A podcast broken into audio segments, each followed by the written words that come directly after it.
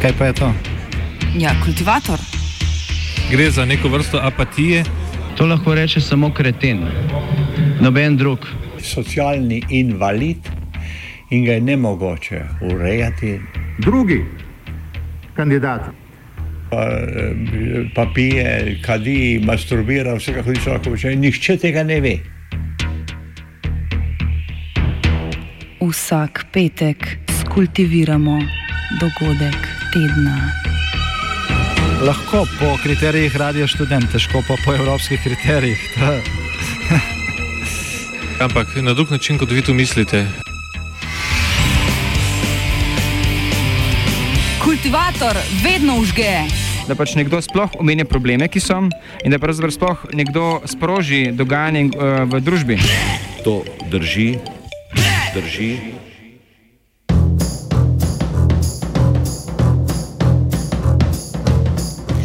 Mediji na muhi.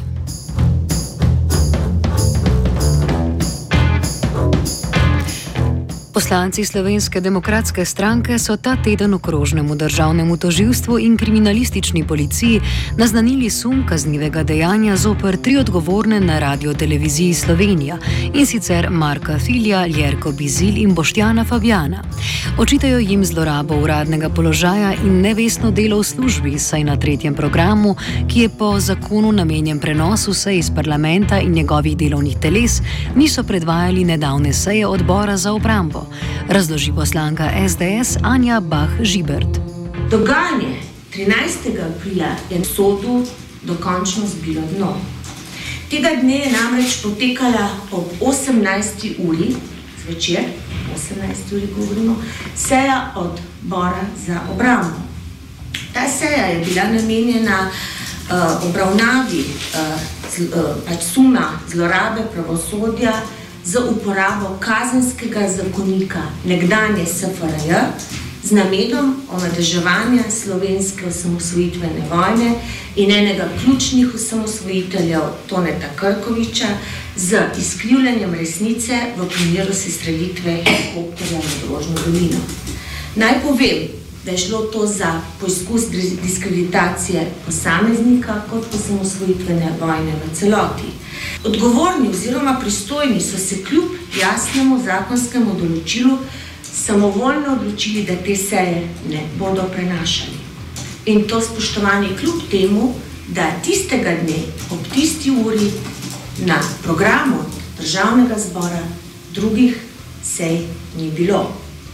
Na mesto omenjene seje je bilo tako na parlamentarnem programu, povdarjam parlamentarnem programu, namenjenem seveda delovanju državnega zbora, predstavitev gospoda Danila Turka in Vesne Pusič iz sosednje Hrvaške kot kandidata za sekretarja OZN.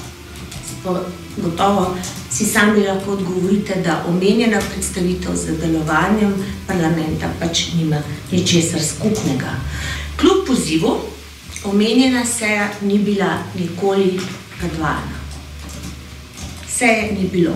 Smo pa bili priča nekemu cenzuriranem, skrajšanem posnetku in to v nočnih urah, nočnih urah, ko praktično res ni razloga, da se posnetki krajšajo in na tak način tudi izmeličijo.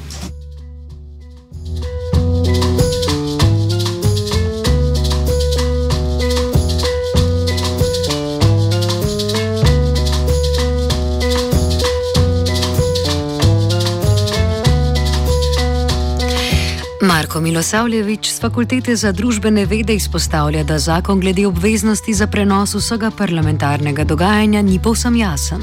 Ja, zanimivo se mi zdi, da so te razprave o kršenju zakona, tudi ko gre za zakon o RTV, lahko temu rečem zelo kampanjske, torej takrat, ko komu ustreza.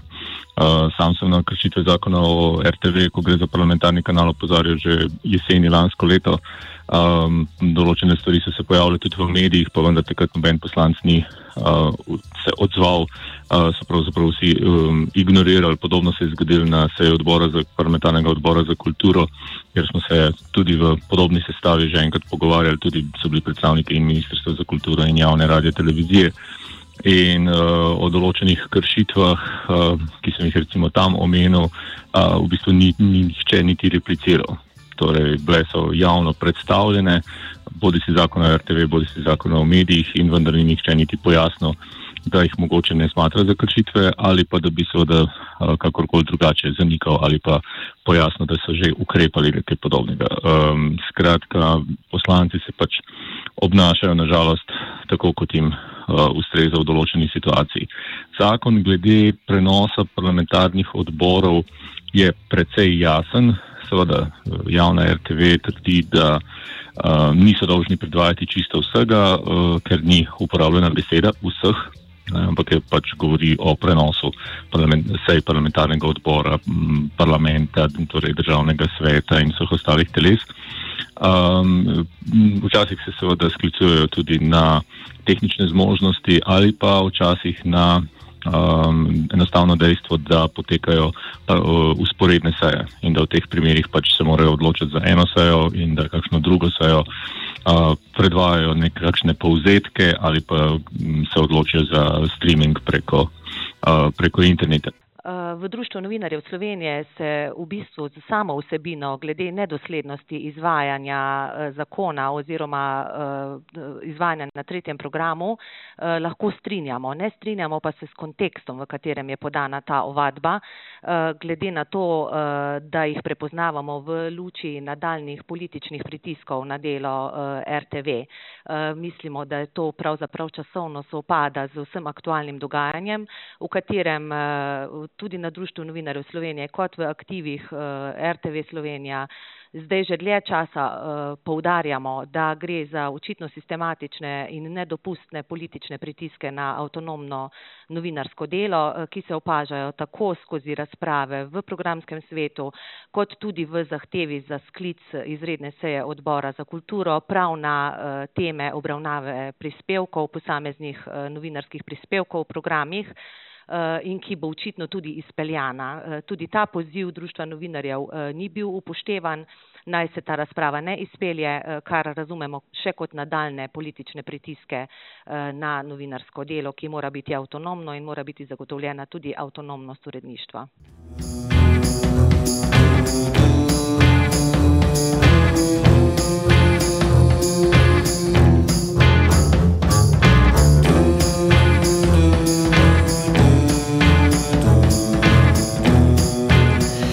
Posredni zvezi z obtožbami SDS glede tretjega programa nacionalne televizije je tudi pravkar omenjeno dogajanje na seji programskega sveta RTV. Svetniki, ki so na seji med drugim izglasovali za vršilca dožnosti dosedanjega direktorja Marka Filja, so imeli na dnevnem redu še obravnavo neprofesionalnega oziroma neetičnega dela novinarjev. Glede na dejstvo, da s tako točko svet neposredno vrši pritisk nad individualnim delom novinarja, so zaposleni pred začetkom seje izvedli protest. Več o dogajanju na seji novinarka Helena Milinkovič.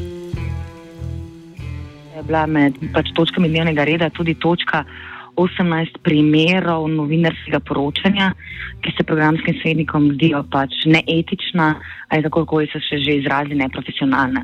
Sicer je večina teh točk se nanaša na poročanje kolegice Eugenije Cal, mislim, da jih je bilo več kot deset.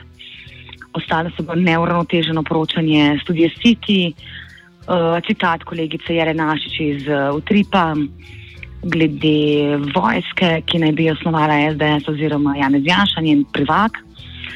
Mi smo glede tega že kak teden, deset dni nazaj pred sejo naslovili odprto pismo na programske svetnike, ker menimo in smo prepričani, da presega to njihove pristojnosti in gre za neposreden poseg in pritisk na novinarsko delo. Uh, programski svetniki sicer že, saj sestava ta stara, je že nekajkrat kršila in statut in zakon in presegla svoje poblastila. Mi, ta protest naš ni bil prvi tak protest že, če se mogoče spo, se bodo gledalci spomnili, da smo protestirali ustvarjalci RTV programov tudi že v času slovenskih staj, ko nam je ta isti programski svet želel preprečiti poročanje o tem in kaj se sploh dogaja na ulicah. Um, tako da že takrat smo fizično protestirali še enako, gor na programski svet z gesli, um, z enakim tihim protestom, da smo jih opomnili, kaj je njihovo delo. In RTV je javna radio televizija, tu je zraven še internet, programov je več kot samo informativni program in ta televizija oziroma javni medij ni državni, ki si ga pač določene stranke vsakeč znova želijo prilastiti. In to je bilo naše sporočilo. In to smo pač hoteli tudi sporočiti. Mislim, da je tudi vsakemu jasno, kaj smo hoteli sporočiti, da značiš transparentov. Popolnoma spoštovanje novinarske in uredniške avtonomije uh, in pa novinarska neodvisnost. Med preobravnavano tožbo SDS in razpravljanjem na seji pa obstaja tesnejša povezava. Prispevke novinarjev so kot problematične izpostavili predvsem člani največje opozicijske stranke. Tisti programski svetniki, ki so zahtevali, da se razpravlja o novinarskem delu in določenih novinarskih primerjih in poročanju, so člani SDS stranke. In ta stranka zdaj zahteva že drugo sejo odbora um, za kulturo na temo javne radio televizije in našega poročanja kar je absolutno tudi preseganje pristojnosti uh, poslancev. In ne vem, kdo lahko razume to kakorkoli drugače kot neposreden pritisk politike na novinarstvo. Sam protest novinarjev je v medijih doživel simptomatično obravnavo. Ti so izpostavili predvsem transparent s prežvečenim grozilnim sloganom proti prvaku SDS Janezu Janši. Napis, ki ni bil delo nezadovoljnih novinarjev, ampak zunanih aktivistov, je na ta način uspešno miniral namen manifestacije. Ja, to me pa malo razočaralo, tudi kot novinarka, glede na to, da je bila soba nabito polna ljudi. Mi smo prišli noter ta zadnji, ko so bili že vsi posedeni, niti enega stola ni bilo več praznega.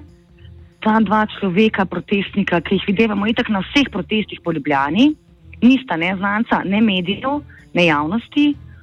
Uh, tako da mi je malo čudno, da so pač ravno njih dva povezovali z nami in bila sta tam pred nami in do konca ste, ste bila. Mi smo šli po tem, ko so izglasovali glavni red in so točko 18 novinarskih primerov premestili na konec seje morali bi pa o tem razpravljati na začetku.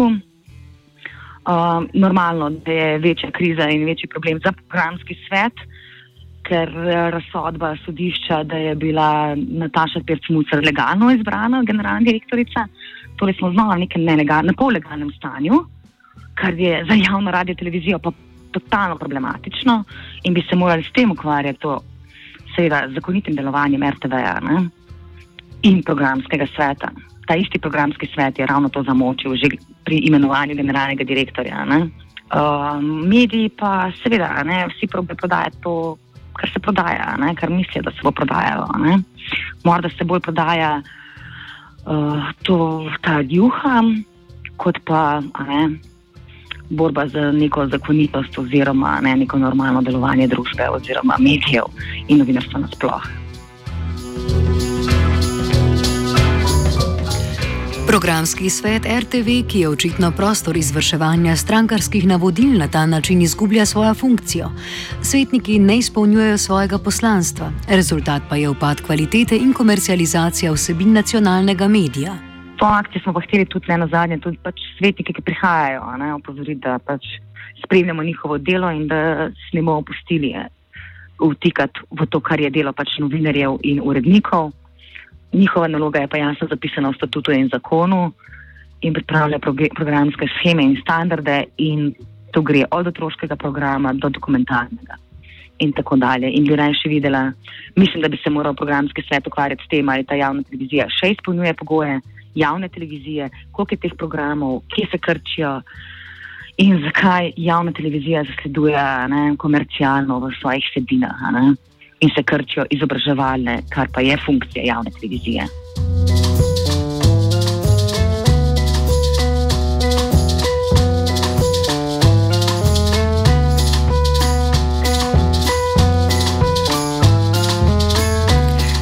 SDS pa ni edina, ki te dni jasno izkazuje svoj apetit po izvrševanju pritiska nad mediji, kot tudi RTV ni edina tarča, nadaljuje Lesjak Tušek. Kot vidite, po današnjih naslovnicah časopisov so prisotna predvsem komercialna umešavanja. Eh, glede na današnje eh, naslovnice dela, dnevnika in večera, ki jih izpostavljamo tudi v odzivih, danes vidimo še bolj kot politične pritiske ali pa vsaj enako uredno političnim pritiskom kot problematične oglaševalske pritiske, zlasti če eh, se posega v novinarsko delo oziroma če so zastavljene na način, kot so danes zastavljene, ko mislimo, da je kršen tako medijski zakon etični kodeks. pristni domači izdelki kmetij in manjših proizvajalcev na policah najboljšega soseda. Merkator ima rad domače. Slovenska zgodba. Krepiti pomen domačega in slovenskega pomeni biti aktiven na več področjih hkrati.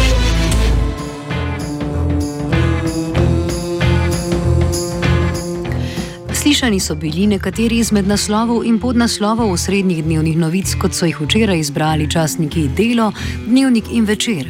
Seveda ni šlo za resnične novice, temveč za promocijska besedila, ki so, imitirajoč novinarska besedila, zasedala celotne naslovnice omenjenih treh časopisov. Njihovo promocijsko naravo je razkrival le napis majhnega fonta, skrivajoč se nekje v kotu naslovnice.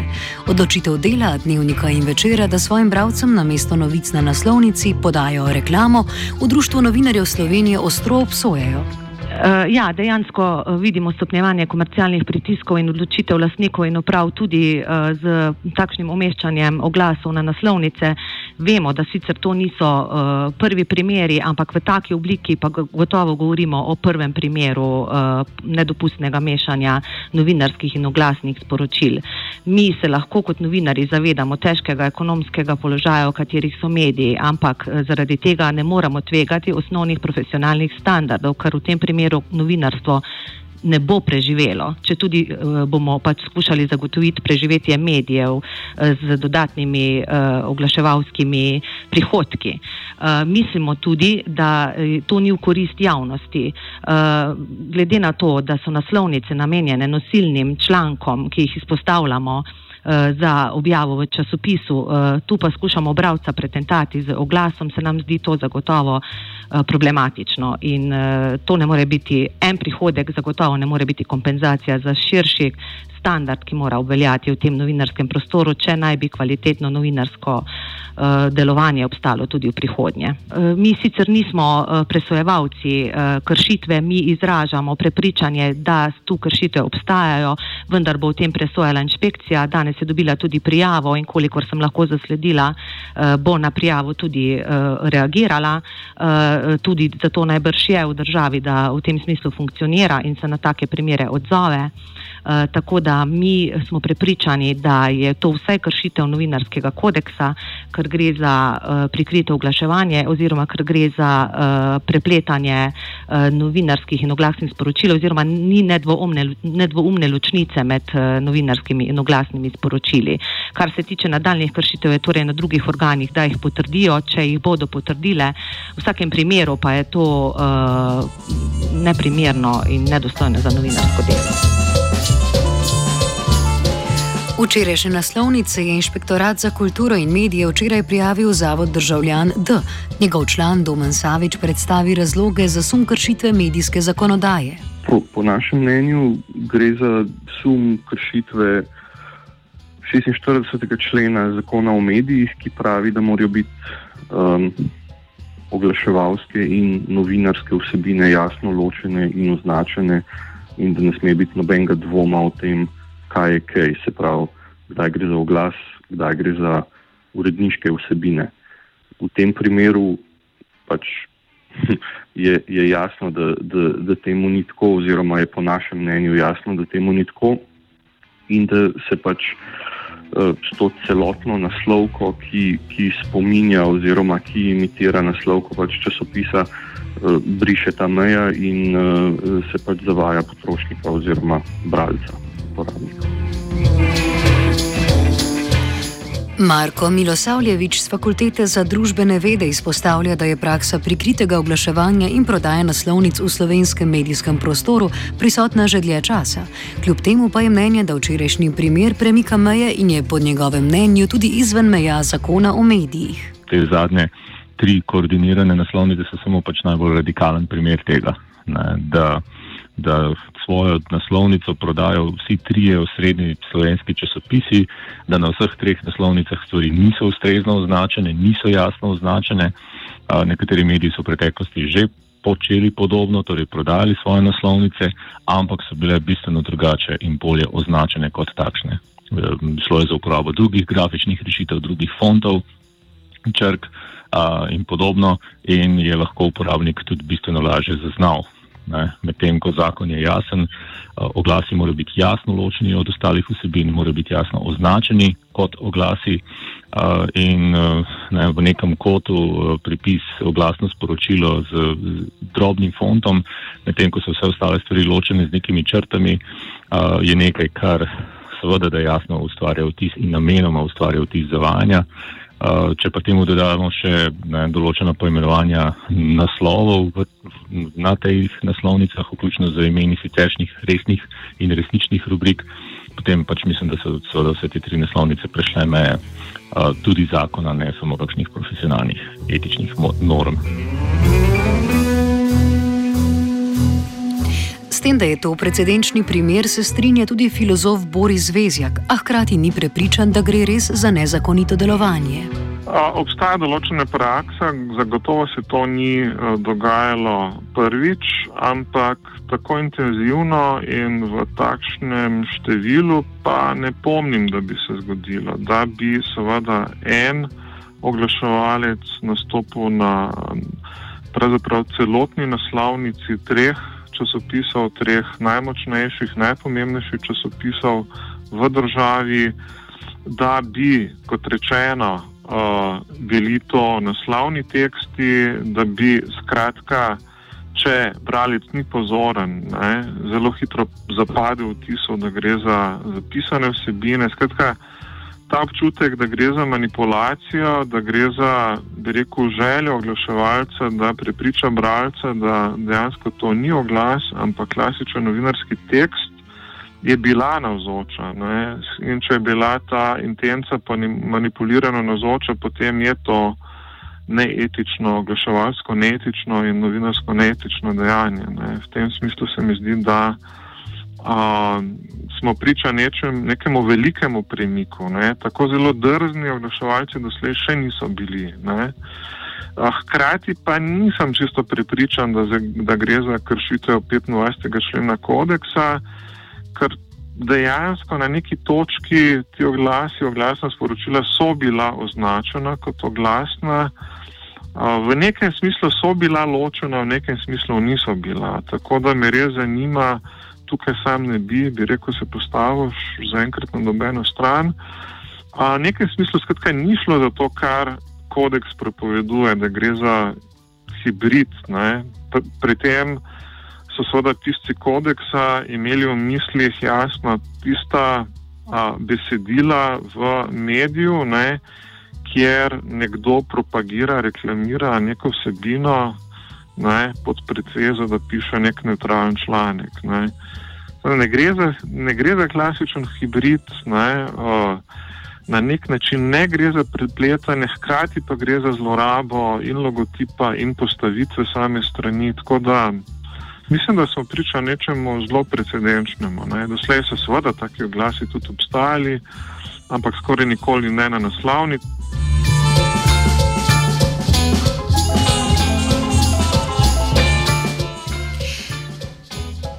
Vezjak v primeru dela vidi tudi zgodbo širšega slovenskega novinarstva, ki si ga je najprej prisvajala politika, danes pa si ga kapital. No, kar je mene še posebej zanimalo v tej zgodbi, je neke vrste, bi rekel, ponovitve navaja, ne? v smislu najprej tragedija, potem farsa. Namreč uh, želel sem spomniti, da je pravzaprav ravno v primeru dela šlo 11 let nazaj za blagovno menjavo, namreč avgusta 2005 je takratni predsednik vlade Janis Janša a, kupčeval za delo, tako da je v bistvu prodal Merkator ne, za svoj pliv na delu. A, tisti, ki so sodelovali v tej roboti, so bili seveda Boško Šroc, a, Bavčar in drugi. A, tako da se zdaj zgodba v nekem smislu ena se navidezno ponavlja, se pravi, če se je nekoč barantalo ne, za nakup dela in se je ponujalo Merkator, oziroma obratno, potem smo danes dobili neke vrste odgovor realnega, se pravi, ta enačba Merkator za delo se je spreobrnila v Merkator v delu, ne, se pravi, Merkator je zdaj nenadoma tisti, ki uh, kapital je skratka tisti, ki nenadoma obvladuje, uh, bi rekel, naše medije. Ne? Če je šlo takrat za politično, bi rekel, prevlado in dominacijo, potem so, bi rekel, ta končni udarec uh, novinarstvu in medijem zdaj zadali pravzaprav kapitalisti. Ne?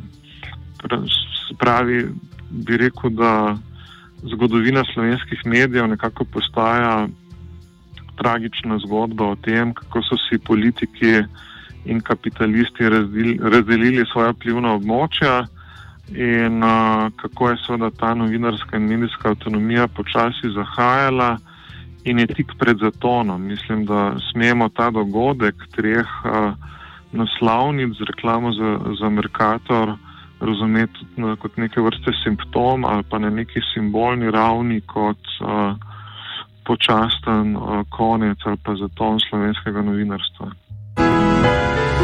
Radi imamo domače.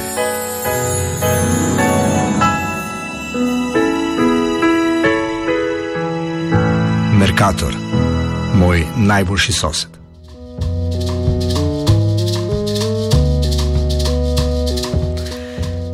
Slovensko medijsko sceno pod napadom SDS in najboljšega soseda sta kultivirala Twitter in Jošt.